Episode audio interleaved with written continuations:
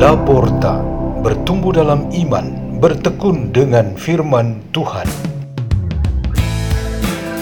Radio Laporta, pintu terbuka bagimu untuk pertumbuhan pengetahuan dan kebijaksanaan tentang Allah.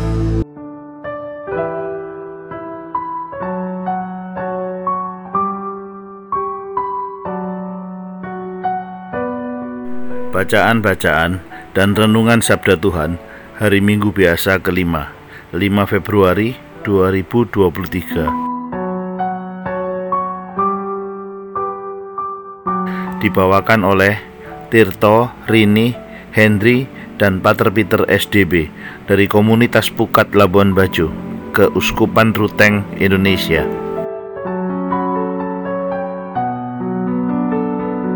Bacaan dari kitab Yesaya bab 58 ayat 7 sampai 10. Beginilah firman Tuhan Allah.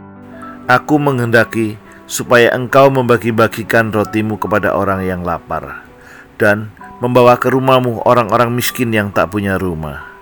Dan apabila engkau melihat orang telanjang, supaya engkau memberi dia pakaian dan tidak menyembunyikan diri terhadap saudaramu sendiri. Pada waktu itulah terangmu akan merekah, laksana fajar, dan luka-lukamu akan pulih dengan segera. Kebenaran menjadi barisan di depanmu, dan kemuliaan Tuhan menjadi pengiringmu.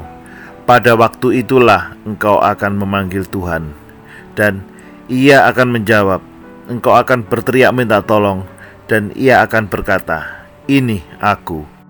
Apabila engkau tidak lagi mengenakan kuk kepada sesamamu, dan tidak lagi menunjuk-nunjuk orang dengan jari dan memfitnah, Apabila engkau menyerahkan kepada orang lapar apa yang kau inginkan sendiri dan memuaskan hati orang yang tertindas, maka terangmu akan terbit dalam gelap, dan kegelapanmu akan seperti rembang tengah hari. Demikianlah sabda Tuhan.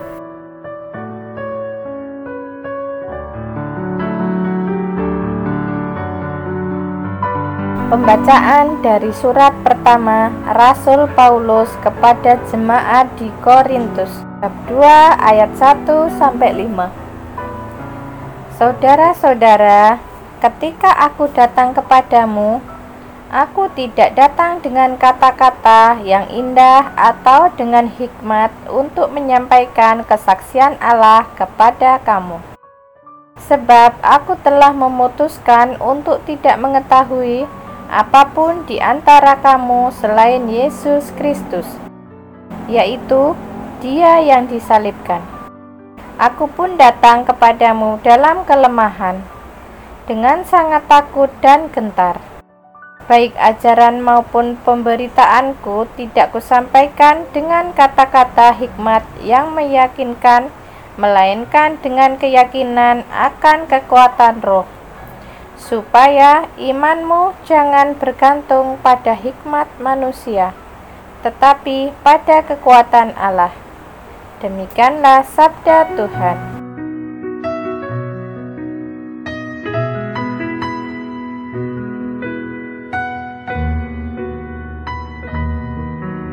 Inilah Injil suci menurut Matius bab 5 ayat 13 sampai 16. Dalam khotbah di bukit, Yesus bersabda kepada murid-muridnya, "Kamu adalah garam dunia. Jika garam itu menjadi tawar, dengan apakah ia diasinkan? Tidak ada gunanya lagi selain dibuang dan diinjak-injak orang. Kamu adalah terang dunia. Kota yang terletak di atas gunung tidak mungkin tersembunyi. Lagi pula, orang tidak menyalakan pelita lalu meletakkannya di bawah ganteng, melainkan di atas kaki Dian, sehingga menerangi semua orang di dalam rumah itu. Demikianlah hendaknya terangmu bercahaya di depan orang, supaya mereka melihat perbuatanmu yang baik dan memuliakan Bapamu yang di surga. Demikianlah sabda Tuhan.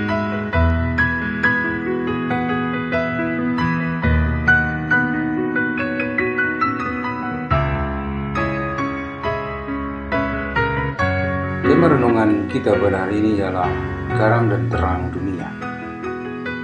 Di sebuah daerah pelosok Indonesia, dana subsidi desa sangat berguna mengembangkan potensi daerah setempat. Pemerintah desa memastikan bahwa penerangan listrik tidak hanya bergantung pada PLN yang sering macet, tetapi ada genset-genset bagi anggota masyarakat untuk pekerjaan industrinya masing-masing. Di desa itu pula, pemerintah mengembangkan potensi lokal yaitu usaha garam. Potensi laut tersebut besar dan desa itu baru mulai kegiatan penambakan setelah dipastikan kemampuan dana dan sistem kerjanya dapat berjalan dengan teratur. Para pengunjung dapat menyaksikan suatu perubahan signifikan di desa tersebut. Kehidupan di desa itu saat ini jauh berbeda daripada sebelumnya. Perubahan itu terlihat dalam peningkatan pendapatan ekonomi dan pengentasan pengangguran orang-orang muda yang berkurang drastis. Keluarga-keluarga lancar membelanjakan uangnya untuk mendapatkan barang-barang kebutuhan sehari-hari mereka. Anak-anak, siswa-siswi, dan para mahasiswa semakin lancar mendapatkan dukungan belajar dari keluarganya masing-masing. Harapan kesejahteraan hidup masyarakat di desa itu sudah tampak kenyataannya. Dan faktor pendukungnya yang utama ialah penerangan dan tambak garam. Yesus Kristus sebagai guru dan juru selamat kita menghendaki supaya dunia ini dan kehidupannya menjadi sejahtera. Kesejahteraan yang dimaksud ialah kehidupan iman yang dewasa dan dapat menjadi kekuatan untuk memberikan kesejahteraan kehidupan jasmani dan sosial. Tandanya bahwa para pengikut Kristus sebagai orang-orang yang dewasa di dalam iman ialah kalau mereka mampu menjadi terang dan garam dunia. Santo Paulus di dalam bacaan kedua berkata bahwa Yesus Kristus yang disalibkan adalah bukti utama ia menggarami dunia dan menerangi dunia. Sebelumnya dunia itu sangat tawar dan tidak memiliki daya tarik. Namun melalui dia dan peristiwa salib, dunia ini menjadi sangat menarik bagi siapa pun. Sebelumnya dunia ini gelap gulita dengan segala keadaan yang menakutkan. Tetapi dengan dia dan salibnya, dirinya adalah fajar baru yang merekah. Kita diajarkan oleh Yesus Kristus untuk menjadi garam dan terang dunia, yaitu kekuatan dan semangat yang diandalkan supaya kehidupan baru dapat terwujud, perubahan dapat terjadi, dan kesejahteraan lahir dan batin di dalam masyarakat kita terwujud. Desa di pelosok itu dapat menjadi contoh bagi kita karena mereka sungguh memanfaatkan potensi yang ada di dalam mereka. Kita masing-masing pengikut Kristus adalah garam dan terang yang sangat berguna. Marilah kita berdoa dalam nama Bapa dan Putra dan Roh Kudus. Amin.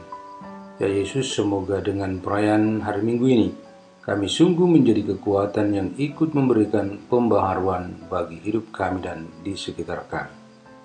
Bapa kami yang ada di surga, dimuliakanlah namamu, datanglah kerajaan, jadilah kehendakmu di atas bumi seperti dalam surga. Berilah kami rezeki pada hari ini dan ampunilah kesalahan kami, seperti kami pun mengampuni yang bersalah kepada kami, dan janganlah masukkan kami ke dalam pencobaan, tapi bebaskanlah kami dari yang jahat. Amin. Dalam nama Bapa dan Putra dan Roh Kudus. Amin. Radio Laporta, pintu terbuka bagimu.